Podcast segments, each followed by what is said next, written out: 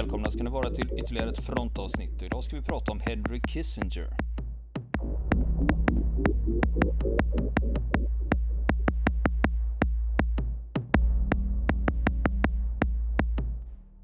Ja du Niklas, vi pratar ju om Salinger, författaren. Han var ju CIC-agent. Just det, just det. Counterintelligence Corps. Mm. Just, och då fick man ju lära sig en hel del om vad de hade för sig. Ja, just det, precis. Och nu har det blivit dags för Kissinger. För han var också CIC. Ja, det rimmar ju. Salinger och Kissinger. Mm. Salinger och Kissinger, ja precis. Men då är det så att eh, Salinger var ju utbildad CIC-agent och hade gått eh, utbildningen i USA. Men Kissinger hade inte gjort det, utan han gled in på det när, när han var i Europa. Så han gick inte samma utbildning. Aha, bananskal mer, mer eller mindre då alltså? Ja, det var väl snarare kompetens som gjorde att han hamnade där. Men jag kommer att förklara vad det var som hände. För sen, eh, innan vi börjar med det, så det var en lyssnare som hörde av sig och undrade om inte vi kunde ange källor. Eh, Okej okay då, det kan, det kan vi väl göra. Det är inga, det, det, är öppna källor. Så det är inga som, ja, vi, det är så, du vet, vi avslöjar aldrig våra källor. Nej, så, precis. Nej, utan med majoriteten av det jag ska berätta här, vad han gjorde under andra världskriget, det kommer från en biografi som är skriven av Walter Isaacson. Mm. Och sen kommer det grejer som är från Washington Post och lite andra tidningskällor då. Men eh, det är så att det finns flera biografier om Kissinger, såklart. Han ja. är ju väldigt inflytelserik person under 1900-talet. Oerhört omskriven, precis. Ja, så det finns flera eh, biografier. Men majoriteten av dem handlar ju om vad han gjorde som nationell säkerhetsrådgivare och som utrikesminister. Mm. Men fördelen med Walter Isaacson då, det är att han har med en hel del om just andra världskriget. Ja, vi, kan, vi kanske ska säga något kort för de som kanske inte vet vem Henry Kissinger är då att eh, han just var utrikesminister eh, på 70-talet där under Richard Nixon och Gerald Ford. Nej, det är ju så att eh, han är ju mest känd, han var ju säkerhetsrådgivare för Nixon och Ford. Och det började han med 1969 och var det till 1975. Så det är ju andra halvan av eh, Vietnamkriget. Mm. Och sen var han ju utrikesminister 1973 till 1977. Just det. Och eh, det var ju också väldigt händelserika perioder eh, i amerikansk, både inrikes och framförallt utrikespolitiken. Ja, verkligen med närmande till Kina och Vietnamkriget som gick på sista varvet och kalla kriget som pågick för fullt fortfarande med alla ja, kapprustningen och så vidare. Och eh, ja, allt annat som hände i tredje världen där USA agerade världspolis på den tiden också. Så ja. eh, han har, sitter inne med många hemligheter, den mannen. Mm. Ja, det, om vi ska gå tillbaka till det där med källor också. Det var ju så att det var en mordpodd som blev polisanmälda nyligen för upphovsrättsbrott. Ja, visst ja. Och, då var det att, ja. och de hade ju inte berättat, det var ju så att de hade plagierat källor rakt av. Ja, just det, precis. Så att eh, då är det väl lika bra att vi berättar vad Ja, det får vi väl göra då. Jajamän. Ja, det spelar ju ingen roll för story, storyn är ju bra liksom. Så att eh, det spelar ingen roll. Nej, men det var lite pinsamt med den här mordpodden. De läser upp det som att de har skrivit det själv och det är liksom rakt av någon kvällstidning. Ja, de hade ju, de hade ju snort artiklar rakt av. Precis, precis. Det var inte så snyggt. Ja, jag tänkte på det där med, med Kissinger då. Ja. Eh, han är ju född 1923 i Fürth i Bayern. Mm. Det. Och det ligger i utkanten av Nürnberg. Och han växte upp där. Eh, men som 15-åring så flydde han 1938 till USA med sin familj. Så han kom dit som en tysk flykting, för de var ju judar. Så att, eh, och stick, sticka 38, det var ju lite sista. Eh, ja. ja. det var i sista, i, i elfte timmen kan man väl säga nästan. Ja. ja. Men det är ändå en solid medelklassfamilj han bor i och växer upp i. Och eh, eh sen eh, efter high school och sådär så börjar han studera till revisor. Och anledningen till det, det är väl inte det att han eh, är superintresserad av det där, men han har fått berättat för sig att det är ett bra jobb. Och det håller han ju med om att jo, men revisor verkar ju vara ett bra och respektabelt jobb, så han eh, pluggar till det då. Och eh, men så fyller han 19 år eh, och då är det ju bara att lägga 1923 plus 19, då är det 1942. Då är han 19 år gammal och då får han en inkallelseorder. Att nu är det dags att inställa sig till armén. Så då ställer han till med en stor fest på en restaurang då. Och sen rycker han då in till Camp Croft, Spartanburg i North Carolina. Och det här är mars 1943. Och eh, han har själv berättat en del om det här, hur det var att rycka in i amerikanska armén, för han tyckte det var fantastiskt, den här, det han kallar för, i, eh, i USA så pratar man ibland om the melting pot, det vill säga smältdegen, att folk kommer överallt ifrån och ifrån hela världen, men i USA så har alla samma värde och att det blir som en stor smältdegel. Eh, och det kallas för the melting pot då, den här sammansättningen av eh, folk från olika håll i världen. Och nu är det ju så här också att han är ju från New York eh, ja, fyrigt från början, men sen New York. Men så kommer han då till ett dammigt träningsläger och det är ju ganska främmande för honom.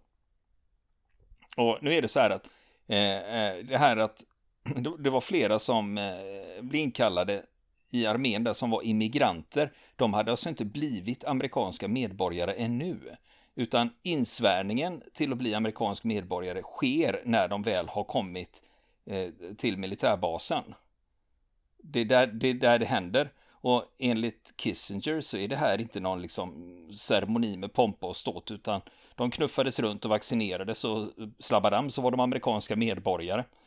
Eh, och sen är det ju här också, eh, det man håller på med nu, det är ju att sätta upp den här värnpliktsarmén, det man kallar för citizen soldiers. Det vill säga inte yrkessoldater då, utan det är ju värnpliktiga som ska bli militärer. Men även om jag nu nämnde det här med melting pot och eh, så, så får vi inte glömma att amerikanska försvaret är fortfarande segregerat. Det vill säga att svarta förband är för sig och vita och ja, resten då så att säga är ju för sig. På den tiden, under andra världskriget, var amerikanska försvaret fortfarande segregerat. Och det är ju, jag vet, det är många som gillar krigsfilmer och som ofta retar sig på de misstagen som förekommer i en del filmer där man har eh, blandat svarta och vita i amerikanska förband under andra världskriget, för det var ju inte så. Sen var det ju också, för många av de här grabbarna så var det ju, även om de var immigranter då, men ja, för, för de, många blev det ju första gången de åkte utomlands överhuvudtaget och det gällde ju framförallt de som var födda i USA. När han kommer till Camp Croft, eh, då blir han placerad på en infanteridivision. Eh, och grabbarna som är där, de kommer från eh, ja, Wisconsin, Illinois och Indiana. Och Kissinger säger att han tyckte väldigt bra om sina kamrater. Och han tyckte att det var bra för han kände sig som en amerikan. Och han säger att armén, det var smältdegen som smälte snabbare. För de har ju inget val här, de är ju tvungna att bo ihop och att umgås och att göra saker ihop. Och Kissinger var ju ingen dumskalle på långa vägar. Han var observant och klarade grundutbildningen bra. Och när han avslutade grundutbildningen då sa han till sin lillebror att gå in i armén med öppna ögon och munnen stängd och stå alltid i mitten för frivilliga tar dem från kanterna. Och gör inget som gör att de lägger märke till dig. Och bli inte för vänlig med avskummen och undvik hasard. Låna inte ut pengar, du får inte tillbaks dem och du förlorar vänner. Och gå inte på bordeller för då får du könssjukdomar. Det låter som han har, eh, har eh, liksom lärt sig läxan ordentligt. Det går, det, går, det, det går nästan att jämföra med fängelsereglerna. Ja, precis. Han, han, var ju, han var ju observant i alla fall. Ja, precis. Sa han. Så. Och under grundutbildningen här, då får han ju göra teoretiska tester och han får ju alltid höga resultat. Och det gör att han hamnar i en, han hamnar i en specialutbildning. För han skickas nämligen till college och ska studera till ingenjör. Man hade ett program då. Att man kunde, var man bra så kunde man då skickas till college. Och så tänker de, det har, de, har vi säkert nytta av. Även i armén då. Och Kissinger hade alltid varit en bra student. Så det var ju, det var ju inte konstigt att de liksom fiskade upp honom. Eh, ur det här då. Va? Och han är så vass så att han får undervisa de andra studenterna när han väl kommer till college. Och särskilt då matematik och fysik, för det är han väldigt, väldigt bra på. Och de som pluggade med honom då, de säger om honom att han läste ständigt. Och han läste inte böcker, han slukade dem. Och eh, Kissinger, han tog 12 kurser på ett år, han fick A i alla ämnen. Och eh, bland annat 100 i kemi, alltså det är ju perfekt, du kan inte få mer, det är ju maxpoängen. Otroligt. hans kompisar där på de här utbildningarna har sagt det att eh, de andra var ju, var ju också utvalda för att de var begåvade. Eh, men Kissinger, han läste tunga böcker för att det var kul. Han, han slukade böcker i en sån takt alltså. Så han var helt outstanding där. Läshuvud över genomsnittet. Mm. Och sen har han gjort en egen fundering också. Det är det att han var ju flykting. Han, han upplevde att han var också mer mogen. Eh, jämfört med de som inte hade en bakgrund från ett annat land och som kanske då hade flytt från ett annat land. Så att han hade upplevt saker som gjorde att han var lite vuxnare. Och sen eh, säger, han berättat att det förekom antisemitiska uttalanden. Men Kissinger brydde sig inte om det. Han visste att det kom grabbar långt som fan utifrån vischan som aldrig hade träffat en jude och inte förstod bättre. Och det var alltså rasism på grund av okunnighet och inte på grund av politisk övertygelse. Och ibland så förlöjligade Kissinger armén och ibland så förlöjligade han sig själv och ibland de andra. Och, men det får tillskrivas hans typiska New York-humor. Och för, så åkte han ju på permissioner, då gick han till synagogan hemma i New York. Men det blir inte så många besök där och han gör det bara för att göra sin pappa nöjd då. Men nu, sker, nu utvecklas ju kriget på ett annat sätt här och det är invasionen av Europa det gör ju att studierna avbryts för nu behöver man soldater. Den förestående invasionen alltså. Så i april 1944 då ställer man in det här programmet eh, där de då ska läsa till ingenjörer. Och då söker Kissinger till att antas som militärläkare. Eh, och då kan man tänka, men eh, ja, han var ju duktig på matematik och fysik och, ja, och de andra ämnena också. Så tänkte man, det är inga problem för honom att glassa in där. Och då var det så att han var egentligen inte så intresserad av medicin. Men, äh, men han visste att om det inte blir det så blir jag infanterist och då är det bättre att vara läkare. så det var de två sakerna han ställde. Mm. Och sen också så var det ju det här med, då skulle han ju få skriva några teoretiska tester. Men eftersom han vet hur de här, eh, han vet ju hur de här testerna är utformade och hur man förväntade svara. Så han fick ju toppresultat även på dem. Så han var en av 25 som togs ut för att gå vidare till den slutgiltiga uttagningen. Och då var det så att det var ett fåtal platser som de här 25 slogs om. Och då var det en Leonard Weiss, det var en annan jude från New York, han var kompis med Kissinger. Och det var Weiss som slutligen togs ut och blev läkare och Kissinger antogs inte. Och Weiss han tyckte det var konstigt eftersom han tyckte att Kissinger var ju smartare, det var ju fan självklart, han hade fan aceat de här testerna. Men Kissinger själv, han säger så här att han gjorde dåligt ifrån sig på testerna. Och när det var testdag, då hade han försovit sig och missat frukost, han tog för lång tid på sig. Det var Kissinger förklarar då varför han inte blev läkare. Medan Weiss säger att nej, det var så här att eh, av de här eh, som skulle antas så var jag den enda juden som antogs. Sen var det två baptister, två katoliker och en jude. Fem platser. Och sen var det också det att jag hade ingen brytning, det hade Kissinger. Och, jag, eh, och Weiss tror att man försökte balansera gruppen så man inte skulle ha två judar då. På de här slutliga platserna. Men Kissinger, han var inte så där överdrivet sugen på det här ändå. Va? Så att det är liksom, hela hans värld stod inte och föll med om han blev läkare i armén eller inte då. Va? Men nu ska man ju tillbaka till verkligheten då så att säga. Och eh, då kommer eh, Kissinger till Camp Claiborne. Det ligger i Louisiana. Eh, det var nämligen 2800 intellektuella som skickas till 84 infanteridivisionen sommaren 1944. Och eh, på den här basen, Camp Claiborne, det finns det 7000 man. Och Kissinger skriver hem och klagar i sina brev och har hemlängtan. Och han passar också på att utbilda de andra rekryterna om världsläget och kriget. Och han hade alltid tidningar med sig, även när de var ute på marscher. Och han pratade aldrig om sin barndom i Tyskland, men han visste allt om nazisterna. Så eftersom han hade växt upp i Tyskland fram till 1938 så var ju han jävligt påläst. Va? Och han hade ju upplevt det. Och sen är det dags för en viktig person i Kissingers liv att göra entré. Han heter Kramer. Och eh, det, det, är en dag när soldaterna på Camp Claiborne, de har varit ute och gått 16 kilometer. Och den här Kramer dyker plötsligt upp och han är 35-årig preussare. Och han är menig, den här Kramer, men han ser inte ut som det, för han har monokel och spatserkäpp.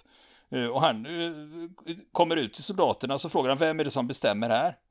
Ja, det var en överstelöjtnant som säger då, ja det är jag. Ja, då säger Kramer att ja, jag har skickats hit till generalen och jag ska förklara varför vi är i krig.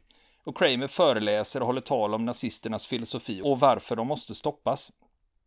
Och den här Kramer, han är otroligt karismatisk. Han är arrogant och excentrisk. Och efter föreläsningen, då skickar Kissinger ett brev till Kramer och säger att eh, om du vill ha hjälp med det du håller på med så säg bara till. Och den här Kramer, han heter alltså Fritz Gustav Anton Kramer. Och hans pappa hade varit statsåklagare i Preussen. Och det var rejäl överklass. Och mamman hade också fin bakgrund. Och de föraktade Hitler då. Och eh, Fritz Kramer, han hade ju då gått på London School of Economics. Eh, det är ju flera kändisar som har gått där. Mick Jagger, Rolling Stones bland annat. Och sen eh, Fritz, inte samtidigt dock, sen Fritz Kramer, han eh, utöver London School of Economics så, så åkte han runt och samlade på sig ett gäng doktorstitlar från olika europeiska universitet.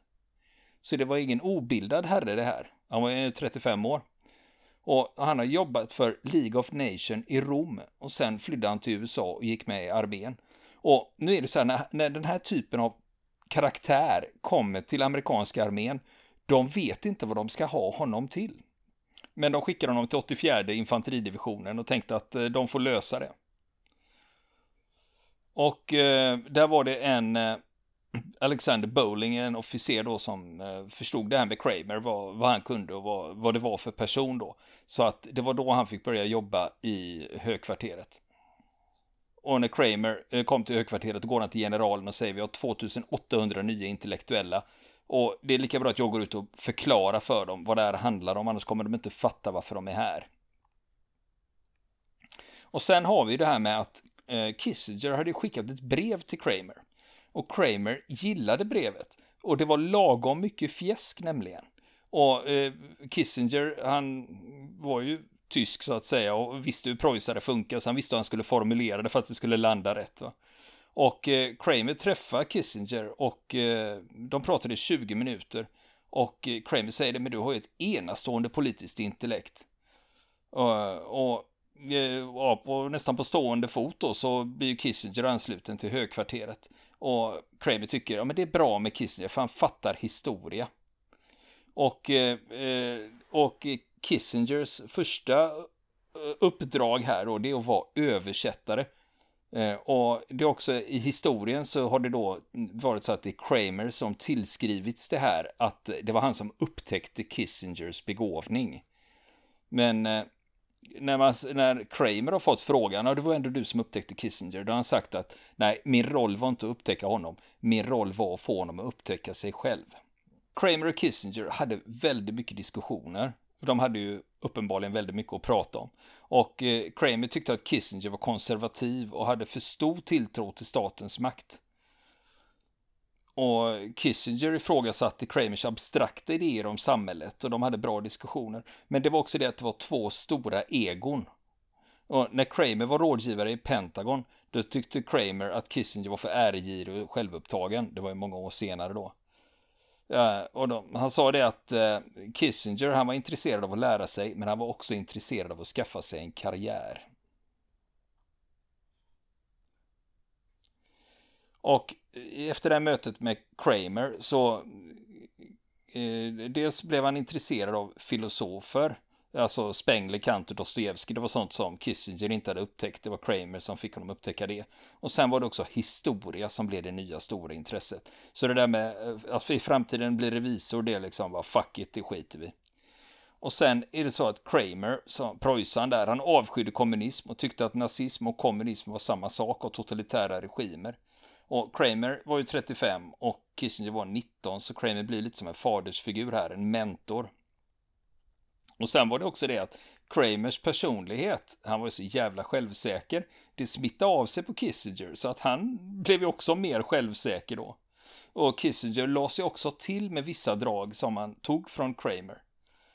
Eh, ett drag som Kissinger inte tog till sig, det var Kramers ointresse av framgång, karriär och pengar. För det var något som Kissinger var intresserad av. Och det visar sig till exempel senare då när eh, Kramer, eh, långt efter kriget, när Kramer hälsar på Kissinger på Harvard. Då frågar han, varför har du bilder på dig och kända personer? Eh, liksom, vad är grejen liksom? för, det, för Kramer var det helt obegripligt liksom. Ja. Mm. Men det hänger också ihop med att Kramer hade ju en annan självsäkerhet med sig. Det var liksom, folk av den kalibern som är uppväxta på det viset, de är ofta ganska självklara. De har inte så mycket att kämpa, de, har, de, de behöver inte bevisa något. Nej, just det. Jag har en, ska man göra kanske ett litet tillägg? Ja, Eller om man, man, ska säga någonting om den här mannen eh, eh, som upptäckte Kissinger en gång i tiden, Fritz Kramer eller Fritz Kremer som den skulle hetat på tyska då. Eh, åklagarsonen där som hade Eh, också lämnade, lämnade Tyskland i sista eh, ögonblicket på 30-talet där. Medan hans, eh, hans far mördades i Theresienstadt sen under kriget. Han blev efter kriget närmare bestämt 1948, ungefär vid den tiden då kalla kriget på allvar sätter igång, så blev han den, den högste rådgivaren i det amerikanska försvarsministeriet. Och det fortsatte han att vara i 30 år, alltså under större delen av, eh, av eh, kalla kriget. Så att han gick i pension officiellt först 1978 eh, från den posten. Och han hade kvar samma kontorsrum hela tiden under den här tiden. Och, eh, som var, så sagt att det var, det var tapetserat med, eh, med världskartor överallt och kartor över olika regioner i världen och fullständigt belamrat med böcker och, eh, och, eh, och dokument. Och, eh, och de som träffade honom under den här tiden, för han tjänstgjorde under alla försvarsministrarna och arbetade för alla regeringar under hela den här tiden, vare sig det var republikanska eller demokratiska administrationer. Och, så där förberedde han liksom föredragningar om olika saker som handlade om allt från den politiska utvecklingen i Sydostasien till den ekonomiska utvecklingen i Kina eller den franska eh, attityden till kärnvapen. Allt möjligt så att säga. Så att han blev en oerhört mäktig grå eminens inom den amerikanska eh, säkerhetspolitiken och inom det militära området. Och han levde alltså ända fram till 2003. Och även om han slutade officiellt 1978 så fortsatte han ändå eh, inofficiellt att fungera som rådgivare och sista gången han, han besökte eh, Pentagon Eh, i eh, sådana ärenden. Det var 2002, det var året innan han, han, han, han avled. Han hade en svensk hustru också. Han var gift redan på 30-talet med en, med en svensk kvinna som heter Birgitta Björkander. Och eh, på hans begravning så där var ju naturligtvis Kissinger och en rad andra eh, personer som hade varit hans lärjungar, bland annat eh, Alexander Haig som var eh, NATO-chef senare bland annat. Och eh, en av dem, annan person som eh, så att säga tillhörde hans adepter, en av de sista som haft höga poster, det var Donald Rumsfeld. Och Kissinger själv förstås. Hur vet du det är? Hur jag vet det? Ja. Ja, jo, nej men det, det, har, det, det, finns en del skrivet om honom alltså. Det har skrivits ja, en hel del Men du körde det här från uh, top of your head alltså? Ja, lite grann av det. Jag, jag, tog, jag tog fram en sida, liksom en Wikipedia-sida på honom. Här nu, gjorde jag liksom för att friska upp det, för att det här är ju ett namn som är alltså, surrat liksom i bakgrunden inom, eh, under kalla kriget och Washington-administrationen. Är det ju. Så att eh, så att eh, han, han, har, han har sagt i en intervju själv att han kom till den amerikanska armén med två doktorstitlar och en monokel. Ja, men det passar nog in bra. Ja. Men han, men han var ju gammal redan då. Ja, så att säga. Det. finns faktiskt en biografi över honom. Eh, skrivet av en amerikansk författare som heter Peter F. Drucker. Och titeln på den är The Man Who Invented Kissinger mannen som uppfann Kissinger och den gavs ut 1979 och kommit ut i upplagor sedan dess. Också ytterligare upplagor. Och där finns, eh, en del, finns det skildrat en del av förhållandet mellan, mellan Kissinger och, eh, och den här Fritz Krämer. Ja, och vad händer nu i armén då? Jo, 84 infanteridivisionen, september 1944, då skeppas de över till Storbritannien. Och Kissinger tillhör G-kompaniet i 335 infanteriregementet. Och sen 1 november 1944, då korsar de Engelska kanalen. Och då fick de också möjlighet att poströsta. Apropå en aktuell fråga. Ja, då var det presidentval, ja, precis. Om några dagar bara. Ja, precis. Men då var det, 1 november, och då hade de möjlighet att poströsta, de amerikanska soldaterna. Och Kissinger röstade inte, trots sitt stora politiska intresse. Eller kanske på grund av sitt stora politiska intresse. Och efter att de har klivit i land i, på, eh, på, i Europa då så att säga, på den europeiska kontinenten, då G-kompaniet kommer till Tyskland inom en vecka. Och 9 november så är de inblandade i strider vid Aschen och det är när de korsar gränsen. Och Kissinger har efteråt berättat att han kände sig som en befriare när de kom till Europa och började rulla framåt och den här offensiven. Och han säger att jag var inte ute efter hämnd, jag var ute efter att befria. Och han, det, han sa att man, han hade ju erfarenhet av nazismen själv och han sa att man kan inte skylla ett helt folk för det som har hänt. Och sen när de väl skulle över tyska gränsen, då kör Kissinger själv en jeep över gränsen och han skulle till högkvarteret och han skulle tjänstgöra som översättare för generalen. Men 18 november, då anfaller divisionen Geilenkirchen i Tyskland och det är en del av Operation Clipper och det var en stor offensiv in i Ruhr och det är alltså norr om Aschen. Aschen ligger vid gränsen. Och de, ly de lyckas ta Geilenkirchen 19 november. Och nästa uppdrag är att ta Beek och Lindern. Och där är det tufft motstånd. Och det var strider fram till 29 november för att ta de orterna. Och efter det så vilar divisionen ett tag innan de återvänder till striderna. Och vid 18 december har de tagit Wurm och Müllendorf. Men nu är det ju december 1944. Och då startar ju Ardenneroffensiven. Så 84 infanteridivisionen, de får i uppdrag att ta sig till Belgien för att stärka upp där.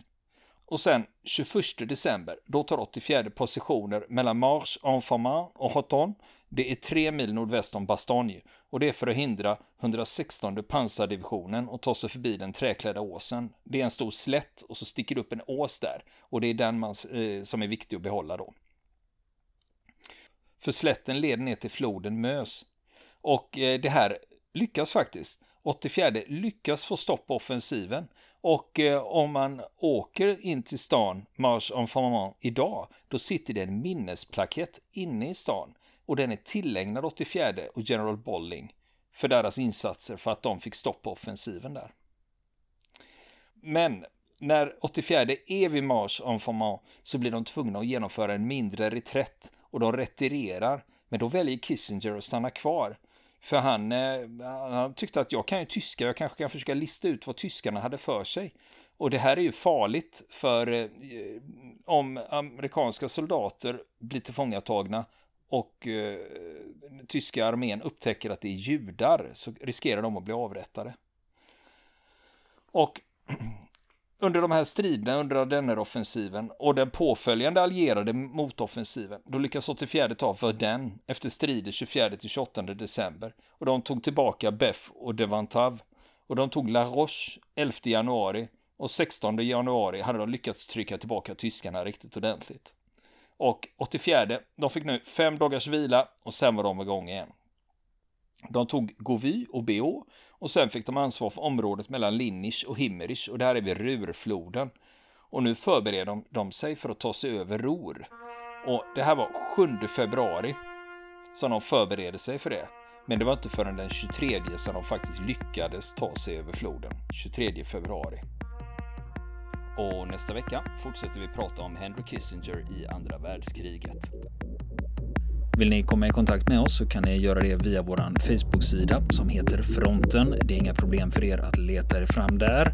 Eller också så mejlar ni på vår mejladress och det är frontenpodcast.gmail.com.